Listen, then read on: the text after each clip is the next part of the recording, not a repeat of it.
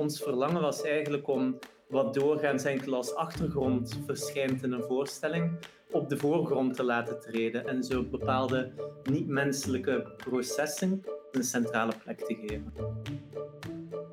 Welkom bij Spring in het Diepe.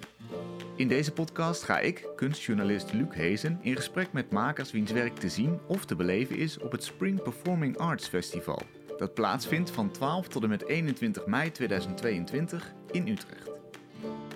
In deze aflevering praat ik met kunstenaar en lichtontwerper Esra Veldhuis en theatermaker en regisseur Bosse Provoost.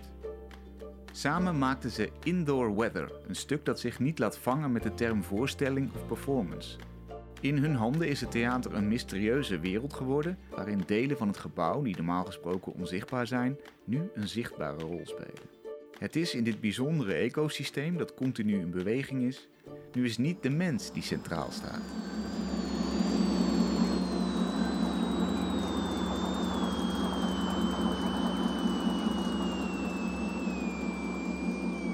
Bosse en Esra, welkom. Laten we er meteen induiken. Ik lees in een begeleidende tekst dat Indoor Weather een scenisch gedicht is. Kunnen jullie dat eens uitleggen?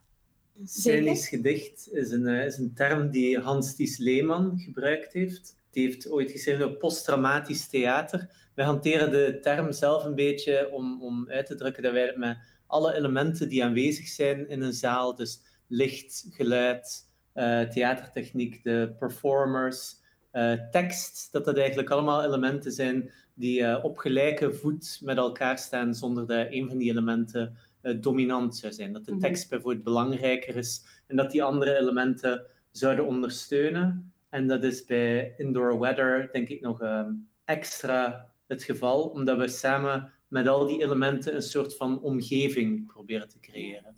Je zou het ook kunnen vergelijken als we naar de beeldende kunst gaan, naar eigenlijk een installatie meer dan een beeldhouwwerk. Hoe wij eigenlijk werken.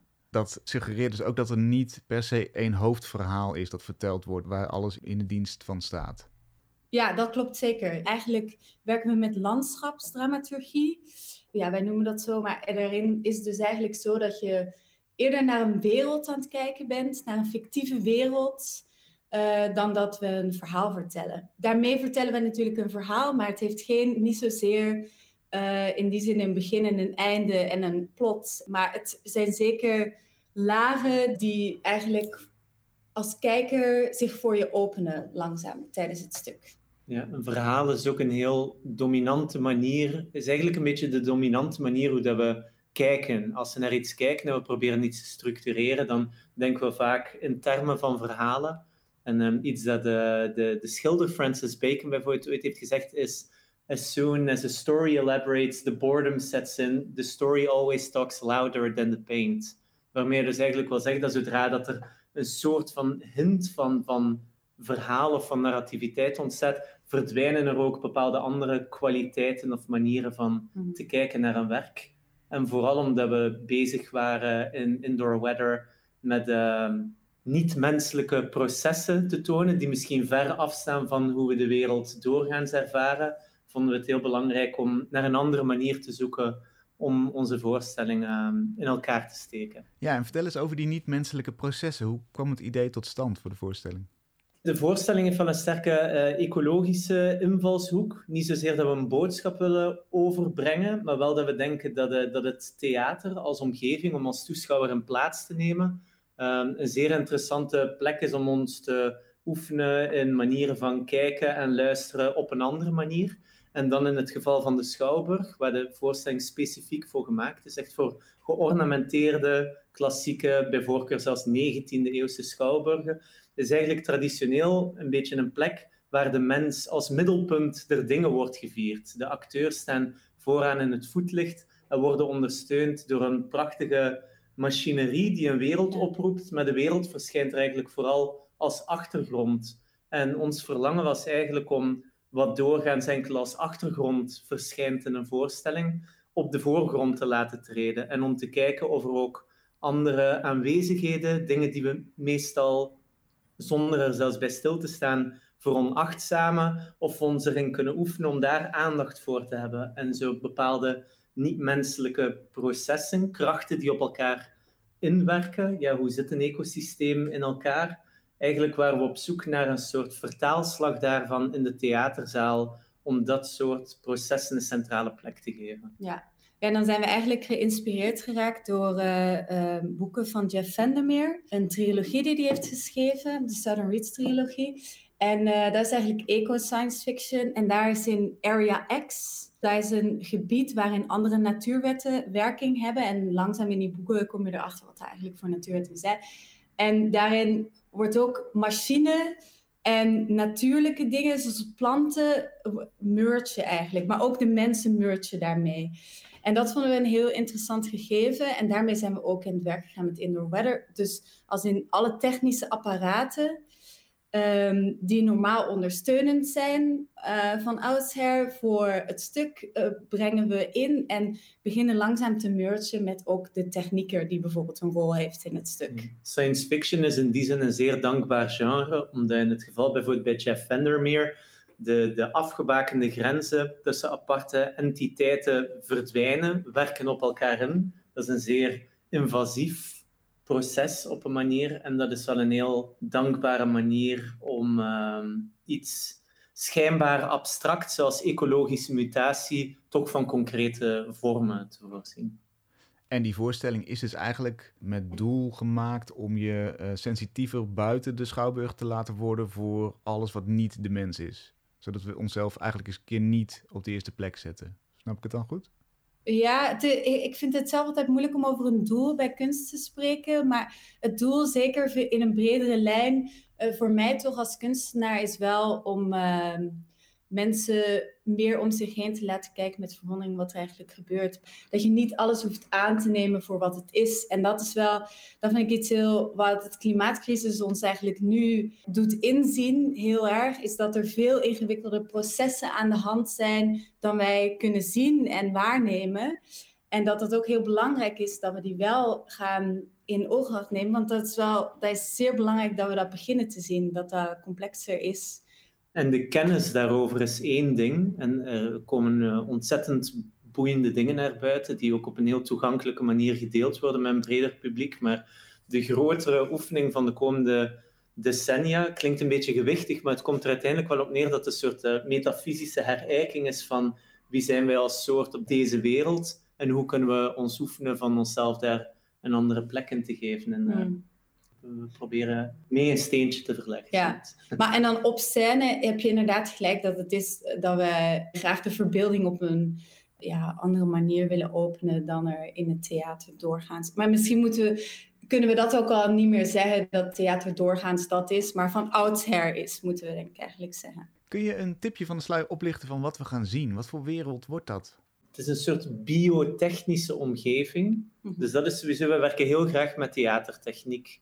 En we werken eigenlijk met de hele machinerie die er in een theater is. Dus dat is bijvoorbeeld iets zoals ons belangrijkste instrument eigenlijk is misschien wel de trekkenwand. Dat is uh, ja, uh, achter, uh, in de meeste schouwburgen, achter de grote lijst, zit daarboven in de nok zit een heel groot systeem van, van draagtrekken, waar je lampen of decorstukken, zo platte en finis, van, van bijvoorbeeld een geschilderd bos vroeger aan kon ophangen. Mm en die trekken zijn eigenlijk doorheen de voorstelling in beweging. Bijna als een soort uh, ademhaling, maar ze dragen ook dingen naar beneden en naar boven. Dus dat is een, een zeer aanwezig beeld in de voorstelling. Ja. En uh, ook, ook andere stukken theatertechniek gedragen zich ook soms eerder als uh, organismes dan puur functioneel van zo, dit ga ik even uitlichten. Dus er zijn bepaalde rare knoesten van lampen, of er is een soort lichtvlek die kruipt naar een, eh, of ja, die verschuift naar een stukje van de zaal waar het eigenlijk niet hoort te komen. Dus dat is wat we met theatertechniek doen. Ja, maar dus zo is er ook een performer die in één laag van het stuk een um, schoonmaker is, maar in een andere laag eigenlijk ook poëzie brengt en tegelijkertijd door de ruimte heen gaat om uh, uh, tekstsporen, zo, ja, dat is allemaal interpretatie natuurlijk die wij erop leggen, maar tekstsporen brengt eigenlijk, poëzie van Inger Christensen brengt. En zo hebben we ook een um, performer die, we zouden kunnen zeggen, een ontdekkingsreiziger is en dan begint te transformeren eigenlijk tot een ongewervelde. Dus om, ik weet niet of het uh, helder klinkt. Maar... Ja, ik heb er wel een voorstelling bij. er is ook een soort man, man van kabels die rondloopt. Die probeert de boel een beetje te fixen, maar, maar dat mislukt ook een beetje. Uh, het speelt zich ook niet enkel op scène af. Eigenlijk is het de bedoeling, een van onze eerste verlangens was dat er voortdurend de vraag is bij een toeschouwer van uh, waar gebeurt het allemaal in godsnaam? Waar, waar speelt het zich af? En eigenlijk dat toeschouwers uitgenodigd worden om ook uh, om zich heen te kijken. Dat eigenlijk ja. Um, ja. alles gewoon net iets anders werkt dan hoe we er vaak vanuit gaan dat een theater in elkaar zit. Ja. Ja. En blijft het bijkijken voor de toeschouwer? Of, of is er ook een beweging, een actieve handeling in dit stuk? Nee, de toeschouwers uh, zitten op hun stoel. Maar wel, um, we hopen dat we kijkrichting wel kunnen, natuurlijk kunnen veranderen. Dat er ja, meerdere kijkrichtingen zijn. Dat daar de beweging in zit, ja. Ja, ja. voilà. Maar tegelijkertijd, er is ook een bepaalde uh, spanning tussen wat wij denken dat de, de boeiend is om te doen uh, in 2021, 2022 in zo een schouwburg, maar die schouwburg en hoe die geconstrueerd zijn, het hele idee daarvan, is uiteindelijk ook een 19e eeuws idee, met een bepaalde manier van kijken, een manier hoe een toeschouwer gepositioneerd wordt. En die biedt ook wel bepaalde mogelijkheden, dat heel frontale zicht. Bijvoorbeeld, je kan van alles wegsteken achter die lijst. Dus we vonden het ook wel leuk om een beetje die spanning op te zoeken tussen een architectuur en een toeschouwerschap, dat eigenlijk bedacht is in en voor de 19e eeuw. En de spanning daarmee met onze eco-science fiction-achtige verbeelding van, van de 21ste eeuw. Stel dat je die, die schouwburg hebt vanuit het idee van de voorstelling helemaal opnieuw zou moeten opbouwen. Zou die dan dezelfde vorm krijgen wat jullie betreft? Of zou dat dan een heel ander gebouw, een andere ervaring worden? Uh, voor de voorstelling, ja, we hebben toch wel af en toe, uh, heb ik wel het idee gehad van, ah, als we dit nu even anders zouden kunnen leggen, dat zou heel fijn zijn. Ja, ja. Zoals bijvoorbeeld? de balkons, ik vind die heel mooi in Oude Schouwburg, hè, maar die zijn wel rondom rond. Dat is bijvoorbeeld een heel raar, die hebben heel rare kijklijnen. Maar dan aan de andere kant is de, de lijst, wat daar achter gebeurt, is zo ver weg eigenlijk. Dus dat we, wij zijn altijd wel bezig geweest met een immersieve ervaring in die Schouwburg te creëren. Maar dat was, we merkten ook al, doordat dat zo gemaakt is, dat je soort van bijna naar een tv aan het kijken bent, waar je als toeschouwer volledig buiten staat, dat dat steeds wel echt vechten was tegen die lijst eigenlijk. Terwijl die ook, we spelen daar heel erg mee, dus hij is ook heel erg gethematiseerd. Maar uh, die lijst hadden we zeker wel af en toe willen openbreken. Sommige van die zalen zijn ook meer op het oor gebouwd, zodat een stem goed kan dragen, tot ook in de verste stukken van de zaal dan op het oog. Mm -hmm. wij, wij werken ja, ja, toch ook heel sterk op het visuele ja, daar kom je wel dingen tegen. Maar zo, het is natuurlijk altijd een uitdaging van hoe rust je een theater uit, zodat allerlei mogelijke vormen van podiumkunst er een plek in kunnen vinden. Dat is een, een beetje de uitdaging, zeker als je in een systeem zit zoals het Belgisch en het Nederlandse, waar je ook gaat toeren, ja, heb je een soort uniformiteit nodig. Of zo. Dat is mhm. sowieso wel een, een stevige uitdaging hoe je dat dan in elkaar steekt. Ja. Maar daarbuiten is het wel zo dat wij um, het uh, samen, als wij samenwerken, vinden wij het heel interessant om van, vanuit iets te vertrekken. Dus voor ons was het gewoon ook een heel erg mooie uitdaging om vanuit die Schouwburg te vertrekken.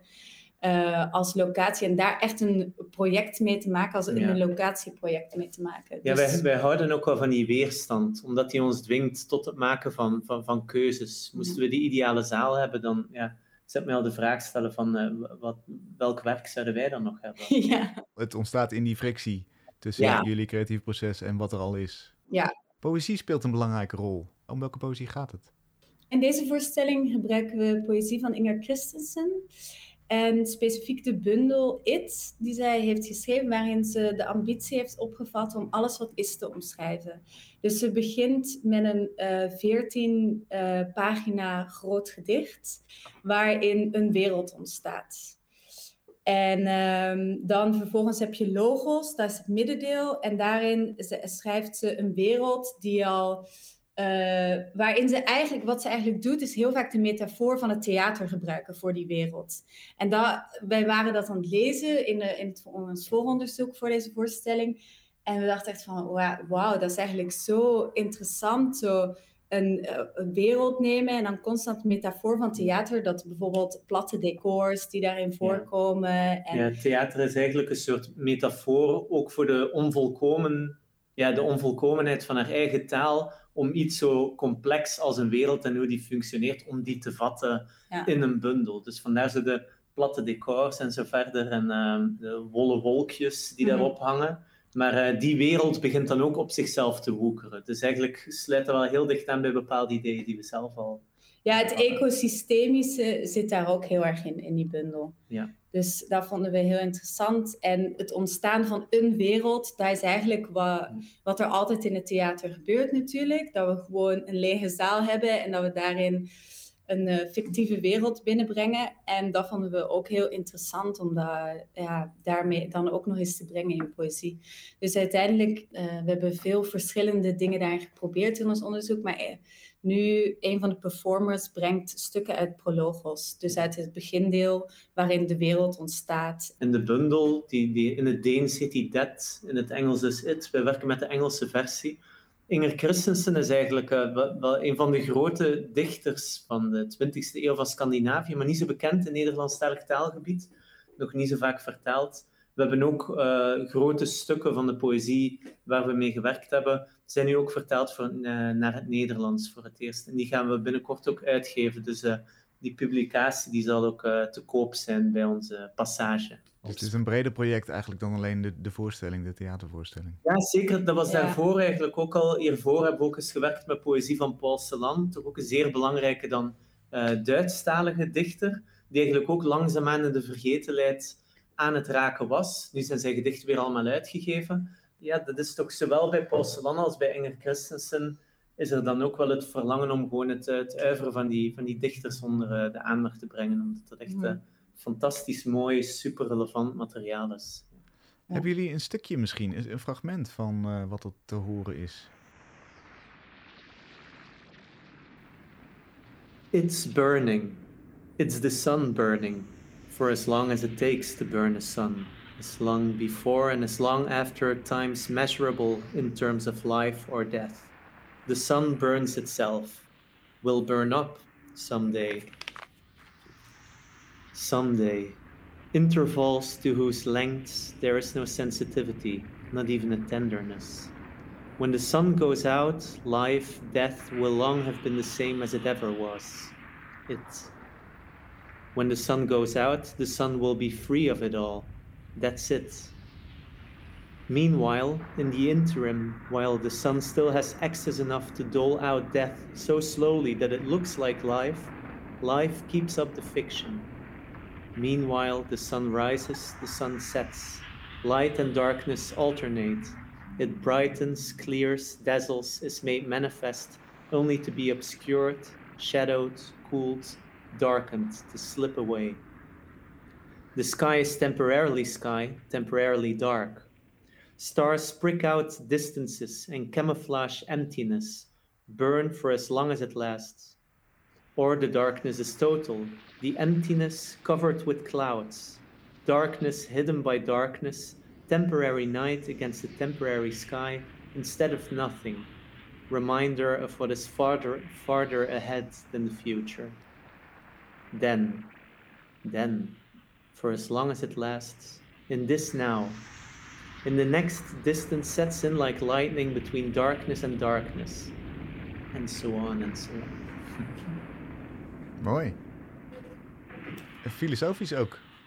Ja, heel filosofisch. Het is heel dens tekstmateriaal. Dus het komt ook als een soort, um, als een soort gulp in die voorstelling. Dus het, ja. uh, het, het, passeert als materiaal. Het is ook we hebben heel lang gezocht naar een manier om die tekst aanwezig te laten zijn, ook als een soort textuur waar je even in kunt chippen en even kunt meegaan, maar die ook niet noodzakelijk is om aan vast te houden, om te gaan interpreteren of begrijpen wat er aan de hand was. Dat was een heel interessante, uitdagende zoektocht. Mhm, ja. Is er één scène wat jullie betreft die jullie het dichtst aan het hart ligt, waarvan jullie denken, ik ben blij dat die erin zit?